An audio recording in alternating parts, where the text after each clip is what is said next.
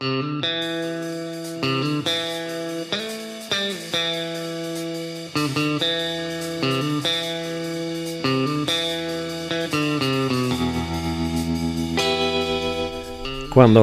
queremos aportar nutrientes a la tierra, regenerar nuestra tierra, habitualmente siempre hemos tendido pues, bueno, a aprovechar esas basuras, que se suele decir el estiércol en otras zonas eh, del ganado, eh, que se suele bueno, utilizar para, bueno, para abonar y para mejorar la tierra. Ese es el, bueno, el, tradicional, el método tradicional, pero mm, otra gente también optaba por los fertilizantes químicos pero en esta sección habitualmente solemos hablar de huerta en ecológico y para ello está John Bastante, técnico agrícola de Ibarra Baserría, ahí en Zornocha, en Vizcaya. Aupa, John, ¿qué tal estás?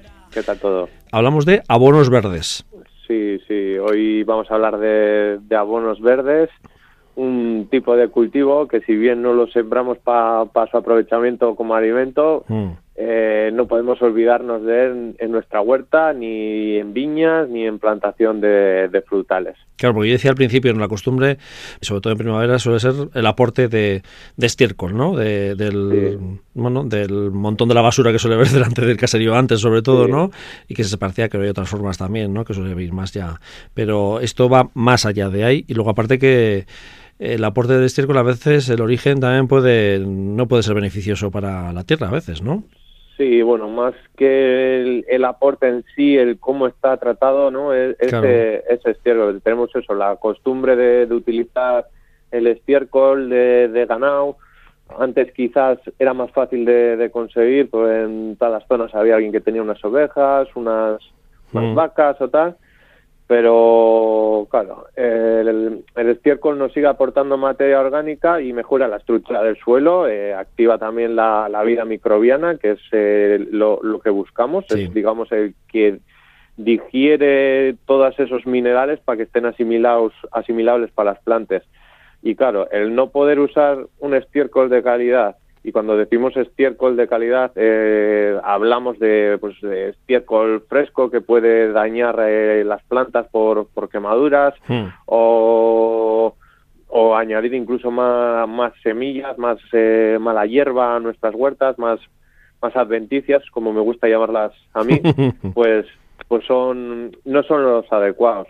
Tenemos esto, la opción de, de los abonos verdes, que, si bien sí tenemos que tener en cuenta eh, varias cositas para hacerlo, eh, pues bueno, ya vamos a ver que es muy beneficioso y totalmente recomendable y es un gran olvidado. Es algo que yo creo que antes sí se hacía, ¿no? Mm, que era como más de uso habitual y normal, ¿no? Sin darnos cuenta, lo que pasa que, bueno, luego han venido otros hábitos de, en la agricultura que de alguna manera se están recuperando y, bueno, y sobre todo está cogiendo mucha fuerza este tipo de abono en verde.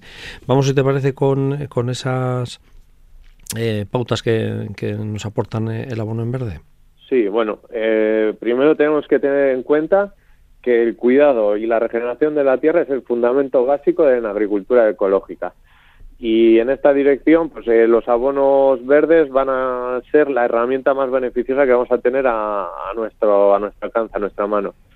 Entre los diversos beneficios de los que hablamos, pues desde incorporar eh, nutrientes minerales para nuestras plantas, aumentar eh, la actividad microbiana eh, tan necesaria por, por, lo que comentaba, que son el, digestor de, estos minerales, descompactar y mejorar la estructura del suelo, súper importante en estas tierras tan arcillosas que, tenemos, y lo que más puede interesar a, nuestros oyentes pues es el, el ayudar a controlar eh, las adventicias, las, las malas hierbas. Las malas hierbas, ¿no? Sí. Eso es verdad. Eh, ¿A qué tipo de, mm, de, mm, plantas puede venir, hortícolas puede venir mejor eh, esta práctica de abono en verde? Bueno, en el caso de frutales en general, vendría muy bien para cubrir eh, los pasillos. Podríamos utilizar pues eh, algún tipo de, trébol, un trébol blanco, un trébol morado.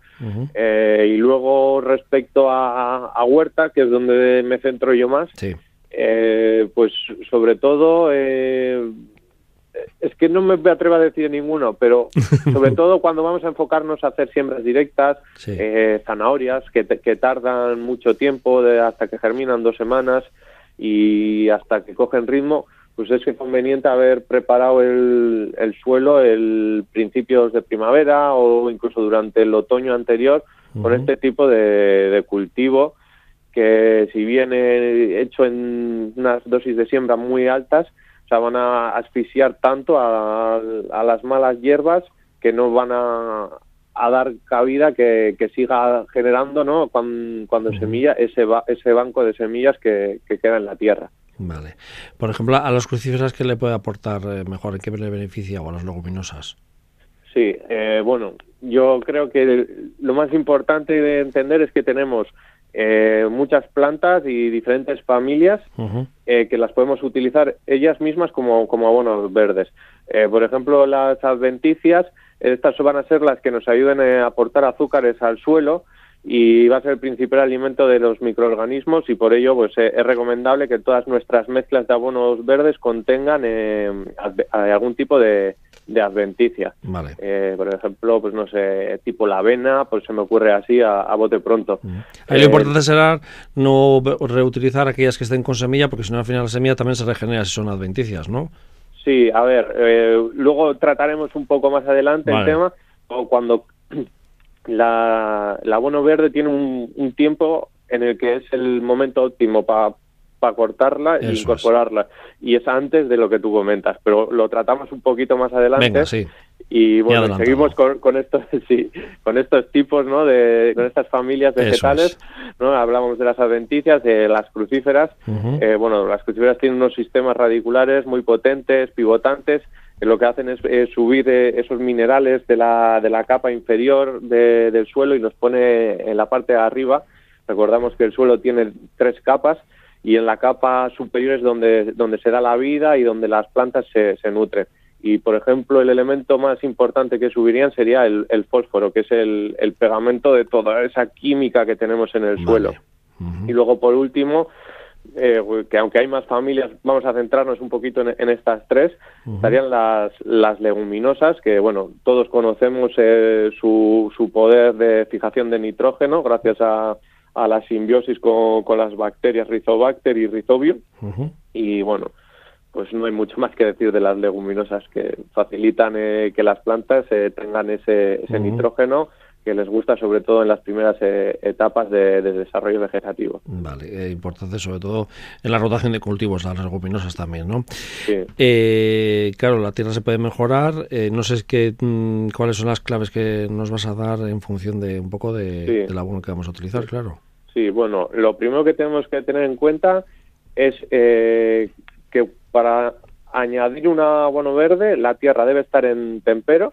El tempero es el, punto óptimo de humedad, o sea que cuando tú la agarras con la mano no se quede hecha una bola compacta ni, ni se convierta en arena. Tiene que tener ese punto de, humedad que, que, sea bueno para trabajar. Suele decirse que cuando tú andes con los zapatos por, por la huerta, en el momento que no se te queda pegado, ese es el, el témpero. Eh, luego las temperaturas no deben rondar como mínimo entre 10 y 12 grados.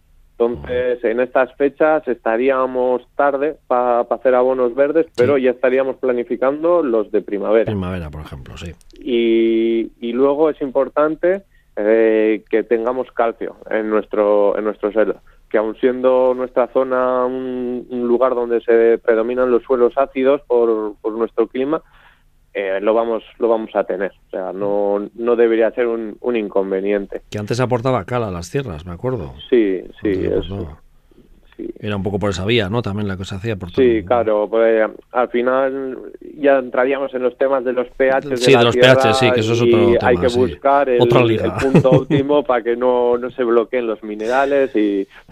Bueno, eh, continuamos. Entonces, eh, elegiremos también un abono verde en función de lo que queramos también o de, ¿no? de la situación que tengamos también, ¿no? Sí, sí. Eh, a ver, los abonos verdes, bueno, van a mejorar la fertilidad de la tierra de manera rápida barata y sobre todo sin su que nos suponga eh, mucho mucho esfuerzo el, el hacerlo. Y luego cada huerta es diferente y por ello el abono verde que vamos a utilizar también variará. Eh, pero bueno eh, vamos a ver dependiendo del objetivo que queremos lograr qué, qué podemos qué podemos hacer qué, qué solución tenemos Pues en el caso de para activar la, actividad biológica, la, vida micro, microbiana del suelo, eh, pues eh, lo que podemos hacer es eh, lo que comentábamos, abonos que nos aporten azúcares. Hablábamos de las adventicias, pero todos los tipos de abonos verdes eh, cortados en sus primeros estadios, o sea, nos van a, nos van a apartar estos azúcares y sustancias nitrogenadas simples, que es justo de lo que se alimentan eh, los microorganismos y, claro, pues habiendo comida, ¿no? Esta, esta actividad biológica va, va a venir al alza. Y bueno, una, una mezcla sería eh, beza con, avena para, para conseguir este, este fin. Y bueno, luego si quisiéramos en, enriquecer eh, a nivel de, minerales, dar comida para nuestras nuestras plantas, pues eh, lo que necesitamos es nitrógeno, que por ello la opción serán las leguminosas. Eh, en cambio, si necesitamos fósforos serían las crucíferas. Y bueno, podríamos también incluso utilizar abonos verdes de, de espinaca, pues durante su crecimiento absorben ese nitrógeno y luego las cortaríamos, las dejaríamos en, en superficie y las iríamos incorporando. Cuando decimos incorporar es ir enterrándolas poco a poco sin que se lleguen a secar antes de enterrarlas. Y enterrarlas nada, a 5 centímetros y, ahí estaríamos dando ese, ese plus de, nitrógeno que, necesitarían nuestras, nuestras plantas. Eh, Cuando tenemos una parcela de estas que, bueno, que está lleno de adventicias, de malas hierbas que decimos habitualmente. Sí, sí, es, lo que nos trae de, cabeza las, las hierbas. Pues bueno, para limpiar la, la parcela, eh, lo que tenemos que, que hacer es eh, hacer una, una siembra de algo que crezca muy rápido y que sea eh, una dosis de siembra muy altas. O sea, si tendrían que ser, yo que sé, 10 kilos por, hectárea, eh, pues incluso llegar a doblar e, esa, esa cantidad para que esté tan denso que lleguen a, ahogar a, esa maleza. Eh, podríamos tirar de alfalfa, avena o rábano. Eh, yo, eh, aquí en el caserío, el problema que tenemos de utilizar eh, rábano, por ejemplo, las crucíferas, es que tenemos problemas con la pulguilla de la col. Entonces, ah. claro, el tener abonos verdes hechos con crucíferas nos es un tanto perjudicial. Entonces, claro, cada persona conoce cuál es su huerta, su finca, entonces tiene que, saber lo que le va a ir mejor o lo que no, y si no, bueno, el hacer una prueba tras otra es lo que nos da la, experiencia. Lo de la alfalfa sí lo he visto hacer en, en, bueno, en tierras de, que han estado pues durante mucho tiempo sin cultivar y que se han hecho zarza, maleza o, malas hierbas. Y sí es verdad que mm, cuando han querido bueno pues eh, reutilizarla, ¿no? Eh, el primer golpe, el primer golpe ha sido, la primera campaña ha sido mm, alfalfa darles unos cuantos cortes y luego poco a poco ya pasar en uno o dos años a lo que es a, cultivar. Sí. Sí, Vale, una costumbre también. Que mira, hoy en día eh, nos lo explicas aquí puntualmente muy bien. Pero así todo hay que buscar equilibrio con esos microorganismos, ¿no? Patógenos del suelo. Sí, sí. Pues bueno, para controlar estos microorganismos, que estaríamos hablando concretamente de los hongos, mm. eh, volveríamos a tirar de crucíferas eh, ya que estas plantas eh, se cregan por, por, las, por las raíces unos compuestos sulfurosos que lo que harían sería una especie de, biofumigación, o sea, eliminarían en cierta medida. No va a llegar a ser una eliminación total, pero sí ayudarnos a, tener un, control de, sobre, sobre estos, estos hongos. Vale. Y bueno, y luego ya eh, para tierras muy calcáreas lo mismo. las secreciones sulfurosas que echan las crucíferas ayudarían a acidificar ligeramente el, suelo y usaríamos mostaza blanca, amarilla, colzana o forrajero. esto, bueno, en el caso de, de, Vizcaya y Guipúzcoa no suele ser lo, más común porque nuestras tierras ya son bastante ácidas de, por sí. Lo que sí es verdad es que, claro, hay que tener un poco en cuenta el tipo de tierra y, también el tipo de, clima, ¿no? Que es, es, fundamental en todo esto, ¿no? Claro, claro. Es que es eso, cada especie prefiere un tipo de tierra y un tipo de clima. Entonces, eh, lo que tiene que ser las características que tienen que, tener estos abonos verdes es eh, la capacidad de que crezca de manera fácil y rápida sin abonado. Lo que queremos es eh, hacer el menor esfuerzo posible que la semilla sea fácil de, encontrar, pues podemos ver qué, cultivos tenemos alrededor. Igual la zona de Álava es, es más, más fácil, sobre todo con el tema de, cereales y gramíneas y así. Y, nada, que la semilla y la siembra nos salgan baratas tanto en tiempo como, como en dinerito. O sea, que al final, o sea, lo que queremos hacer es eso, eh, que sea todo muy sencillo, muy fácil de hacer y, que el coste sea lo, mínimo. Aquí un apunte importante creo que hay que hacer, ¿no? Eh, a la hora de hacer la bono en verde de crucíferas con las rotaciones. Sí, eh, hemos estado hablando mucho de, las crucíferas, pero tenemos que tener en cuenta que prácticamente la mayor parte de los cultivos, sobre todo de, desde otoño hasta primavera, van a ser crucíferas. Eh, brócolis, coles, berzas, eh, rábanos, nabos eh, y bueno, luego ya todo lo que nos queramos liar. Entonces, claro, tenemos que tener en cuenta las rotaciones. Pues si por un lado vamos a a, solucionar problemas, pero vamos a hacer que se nos eh, sitúen en nuestras plantaciones, pues eh, la, la pulguía de la col, como es nuestro caso, pues pues tenemos que, tener en cuenta el, tema de las rotaciones, que seguido de un abono verde de crucíferas, pues que venga, no sé, una, plantación de lechuga o venga una plantación de solanáceas como puede ser el tomate, la patata, entonces el, plan de los planes de rotaciones son, son importantes que cuenten con, las siembras de abono verde. Qué importante es esa rotación, sí señor. Bueno, eh, preparación de la tierra y de la siembra. Eh, ya estamos pensando más en primavera, pero bueno, sí es verdad Que, es importante. Sí, bueno, primavera.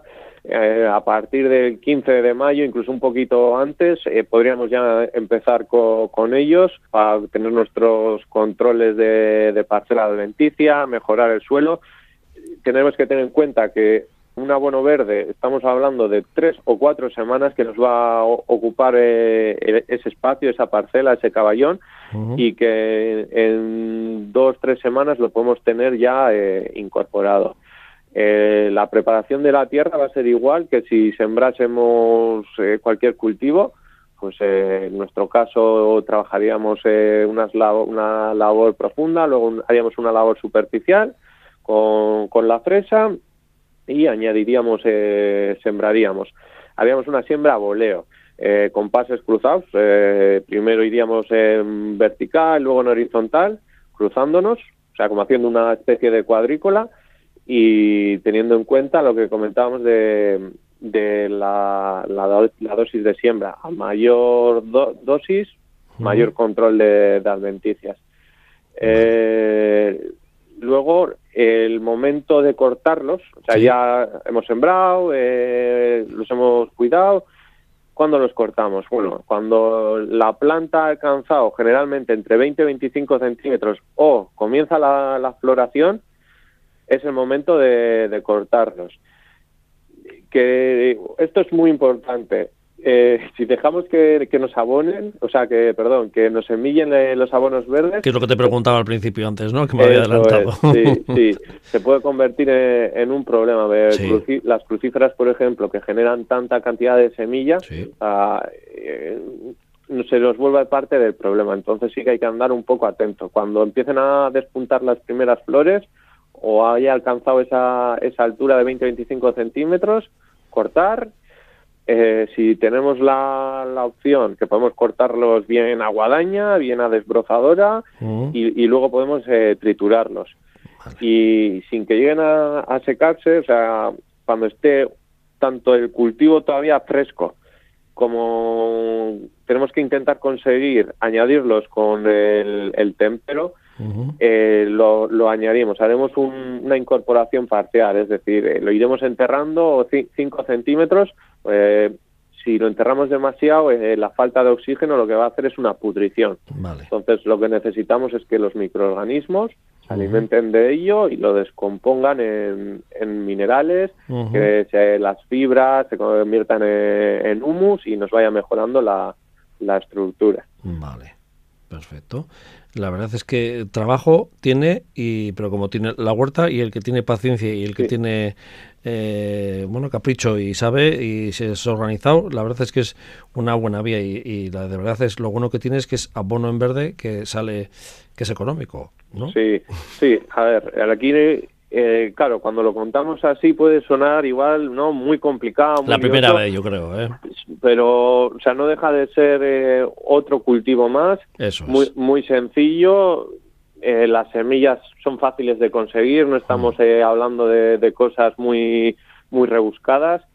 Y, nada, yo, yo animo a, que, se, que la gente los, los ponga, los pruebe y vea la, la mejoría que, les va a dar eh, al hacer este tipo de cultivos. Perfecto, John Bastante. Por cierto, aquellos que estén interesados pueden seguir tu labor también a través de Facebook y de Instagram de Ibarra Baserría. John Bastante, es que ricasco, hasta la próxima. gracias a vosotros. Un saludo a todos. Agur,